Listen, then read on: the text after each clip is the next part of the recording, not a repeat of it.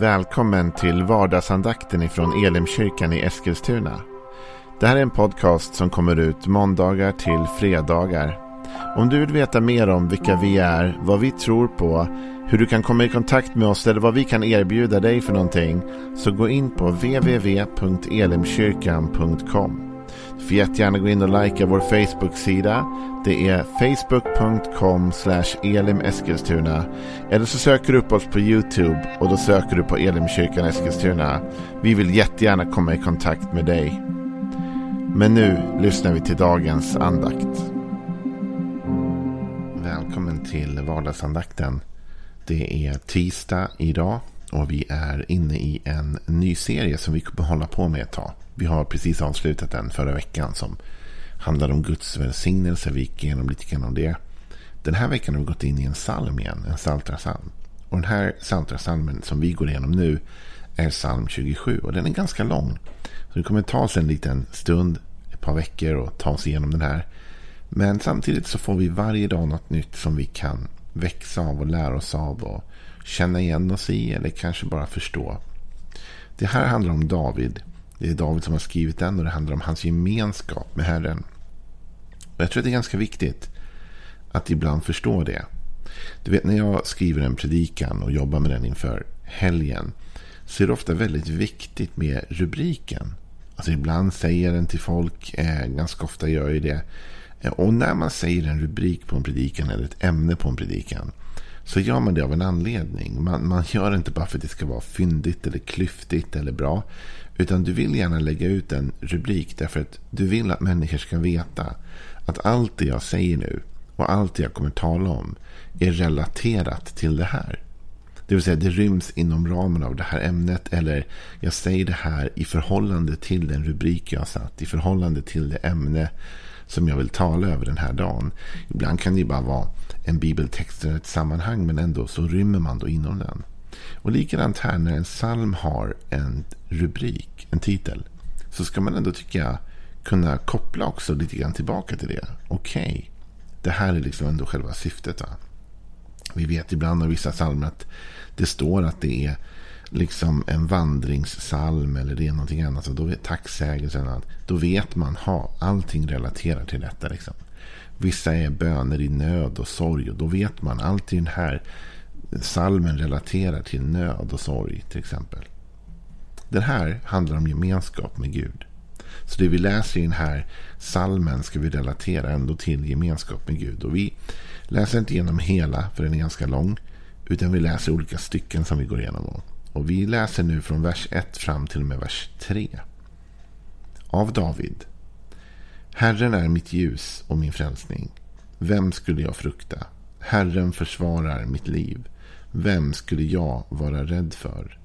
När de onda kommer emot mig för att sluka mig, mina motståndare och fiender, då ska de själva snava och falla. Och om en här belägrar mig, räds inte mitt hjärta. Om krig bryter ut mot mig är jag ändå trygg. David här målar ju upp en enorm trygghet egentligen en känsla av, av ro som är svår att förstå nästan. Till och med han säger om krig bryter ut mot mig så känner jag mig ändå trygg. I vad är det som David här finner sin trygghet och sin vila? Är det i hans egen förmåga? Eller är det i något annat? Och I den här texten vi läser så är det uppenbart återigen att det handlar om Gud. Och det handlar om gemenskapen med Gud. Hans förhållande till, hans relation till, hans förbund med Gud. Herren är mitt ljusbörjare och min frälsning. Vem skulle jag frukta? Herren försvarar mitt liv. Vem skulle jag vara rädd för? Så talas det så här om att Gud är med honom. Har du tänkt någon gång på det? Vad gemenskap kan bryta fruktan? Det är faktiskt sant. Det är sant mänskligt och det är såklart ännu mer sant i vårt förhållningssätt gentemot Gud. Men bara rent mänskligt också. Att vara ensam så är man mycket mer utsatt för oro och fruktan. Men när man är tillsammans med någon då känner man sig lite tryggare. Eller hur? Man är två. Det kan vara att man går in i ett jobbigt samtal. Jag har varit i samtal ibland och så har jag känt mig kanske orolig för att gå in i det samtalet. För kanske finns någon konflikt eller det är någonting som behöver redas ut eller det är svårt. Och då kan man känna en oerhörd trygghet bara av att ha med sig någon in i samtalet. Jag har varit i samtal där liksom jag har haft med mig människor och jag har till och med sagt till dem innan. Du behöver inte säga någonting. Du behöver inte ens snacka liksom. Jag vill bara att du ska vara där. Jag känner mig tryggare om du är med. Om du också hör vad som sägs. Eller om du också bara är där. Jag vill, jag vill bara inte känna mig ensam. Det här är ju väldigt liksom uppenbart vad det gäller våra barn. Mina barn får ju ibland mardrömmar på nätterna. Det händer ju alla barn. Och det händer även vuxna såklart om man vaknar med en mardröm. Men ibland när något av mina barn har vaknat mitt i natten så kan de vara helt otröstliga. Det är liksom, de har haft en mardröm, de har drömt någonting och de är vakna eller inte. Det är en så halvt stadium, du vet. Halvt vaken, halvt inte vaken. Och så är det panik och oro. Och ibland har man försökt prata med, med barnet och säga liksom, men du, det är ingen fara liksom. Och det finns ju inget här, inga monster, ingenting. Eller som har haft en mardröm. Men det, man märker ju ganska snabbt att, att den där logiken inte alltid går hem på nätterna. För att de är som sagt både halvt vakna, halvt sovande. Eller ibland, ibland kan man resonera sig fram till, till ro. Och ibland kan man verkligen inte det. Det spelar ingen roll vad man säger. Det blir inte bättre för det. Men vet du vad som ofta hjälper? Eller nästan alltid till slut hjälper? Det är närhet. Det är att säga kom och lägg dig bredvid mig då en stund. Och så får man krama om sitt barn och det får känna tryggheten om mamma eller pappa får känna att mamma och pappa är här. Att man inte är ensam. Helt plötsligt så, så bryts någon typ av oro och rädsla. Och vet du vad jag skulle vilja säga till dig som är orolig idag eller rädd idag? Som, som är orolig för din ekonomi eller ditt äktenskap. Eller som är orolig för din arbetssituation. Eller du kanske är orolig för dina barn. Eller det finns ju så mycket som du kan vara orolig för. Vår hälsa, inte minst under den här pandemitiden. Jag skulle vilja säga till dig att du kanske har försökt rationalisera dig bort från rädsla. Prata dig ut ur rädslan. Försöka hitta liksom, ja men du ser det inte så farligt. Eller statistiken säger si eller så. Eller du vet ju det eller det. Så här, va? Men det hjälper inte. Men vet du en sak som faktiskt hjälper? Guds närvaro. Närvaron av Gud i ditt och mitt liv. Känslan av att han är nära. Känslan av att Gud går med mig. Bryter faktiskt ner rädsla. Du vet David säger det här i sin mest kända psalm, kanske psalm 23. När han talar om att även om jag måste gå genom dödsskuggans dal. Så fruktar jag inget ont, säger David. Ty du är med mig. Så David säger, jag finner ro och trygghet i att du är med mig Gud. Din käpp och din stav, de ger mig ro, de ger mig trygghet. De tröstar mig. Så när vi, när vi kultiverar en miljö av närvaro och gemenskap med Gud så motarbetar vi faktiskt rädsla och oro. På ett sätt skulle man kunna säga så här. Ju mindre du ber och ju mindre tid du spenderar i Guds gemenskap och närvaro, i bibelläsningen, i, i, i bara den bibliska formen av meditation. Och då menar vi inget konstigt sånt där, du vet, eh, eh, mässande eller konstiga grejer. Utan den bibliska formen av meditation, det är liksom bara att jag i bön stillar mig inför Gud. Var stilla, liksom, säger Gud. Och förstå att jag är Herren. Stillheten, ron. Men i kopplat till Guds närvaro och gemenskap. Va? ju, ju, ju, mindre vi ägnar tid åt de sakerna, ju mer oro har vi i vårt liv. Och ju mer vi ger tid och utrymme åt detta i vårt liv, ju mindre plats för oro. För även om vi möter samma svårigheter i vilket fall som helst, så är vi inte ensamma. Vi känner närvaron av Gud. Jag kan nästan, har lärt mig nästan kunna tracka det där i mitt liv. Därför jag är inte perfekt, precis som, som du eh, har förstått redan. Och som, som du också själv vet om dig själv, att du inte heller är perfekt. Va? Utan vi har våra brister och ibland går det perioder då det blir för lite bibelläsning och för lite bön i mitt liv. Liksom det blir för lite tid av min vardag som läggs på det där. Jag kanske jobbar med hundra projekt i, i kyrkan men det kanske inte är så mycket bön den dagen. Och det kanske inte är bibelläsning på det sättet den dagen. Och så går det några dagar och så går det lite tid. Och till slut så, så vaknar jag en morgon och känner mig orolig. Helt plötsligt mår jag inte bra längre. Och så känner jag att det är något som är fel. Och så möter jag en situation som jag i vanliga fall kunde hanterat enkelt eller smidigt. Och så känner jag bara nu blir jag väldigt orolig för detta. Känner mig, känner mig nervös, känner mig trött, känner mig svag, känner mig allting det här. Va? Orolig.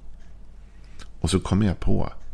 Jag har läst väldigt lite Bibeln på sistone. Jag har bett väldigt lite på sistone. Och, och då säger du kanske så här, så man kan köpa sig eh, liksom fri från oro och, och, och fruktan genom bibelläsning och bön. Det handlar inte om att man kan köpa sig fri. För det är inte som ett pris vi betalar. Men det handlar om att ju närmre vi är Gud och ju närmre vi känner hans närvaro i vårt liv. Ju mindre rädda behöver vi känna oss. Och det där handlar inte heller, om vi ska förstå det rätt, om att Gud på något sätt kommer närmre oss när vi läser Bibeln och när vi ber.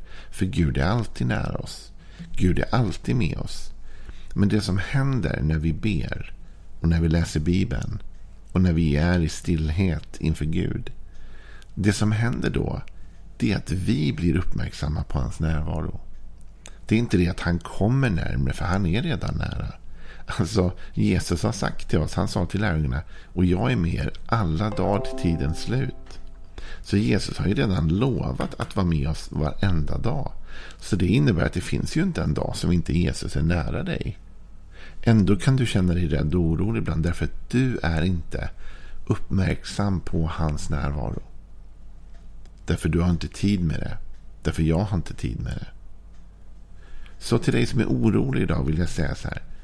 Ta tid att kultivera relationen med Gud. Ta tid att arbeta på den. Ge Gud en del av din vardag. När du budgeterar ditt liv och planerar upp din tid. När du kollar igenom din kalender idag som jag förstår är fullproppad med all möjliga grejer som du måste göra. Försök hugg ut en liten bit av din dag till Gud. Försök ändå se till att det finns någon stund under den här dagen då jag verkligen inbjuder honom och hans närvaro i mitt liv.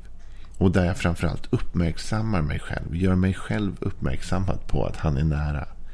För att då blir det ändå den trygga famnen som ger ro. David här uttrycker ju att han ändå känner sig trygg. Att han inte har något att vara rädd för. Men han uttrycker också att det är väldigt tydligt kopplat till Gud och inte han själv. Han säger ju Herren är mitt ljus och min frälsning eller min räddning. Vem skulle jag frukta? Herren försvarar mitt liv. Vem skulle jag vara rädd för? Så David säger här. På grund av att jag har Gud så fruktar jag inget ont. Paulus säger det lite kaxigare i Nya Testamentet. Han säger så här. Om Gud är för oss, vem kan då vara emot oss?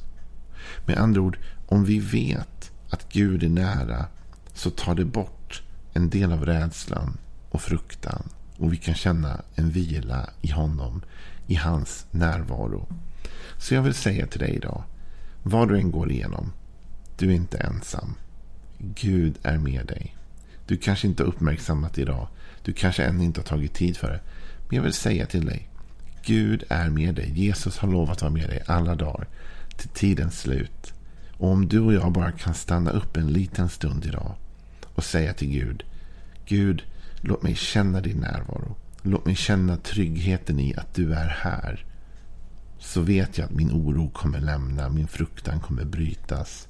Och jag kommer känna mig trygg. Och jag kommer våga möta dagen med alla de utmaningar som finns. Med alla de hinder som finns. Prövningar som finns. Kan jag möta dem i trygghet. Även om jag måste vandra genom dödsskuggans dal så behöver jag Gud. Inte frukta något ont för du är med mig. Det är ett otroligt löfte. Och det är någonting att ta vara på. Att Guds närvaro fördriver bort rädsla och fruktan. Känslan av han är med mig. Om Gud är för oss, ja, vem kan då vara emot oss?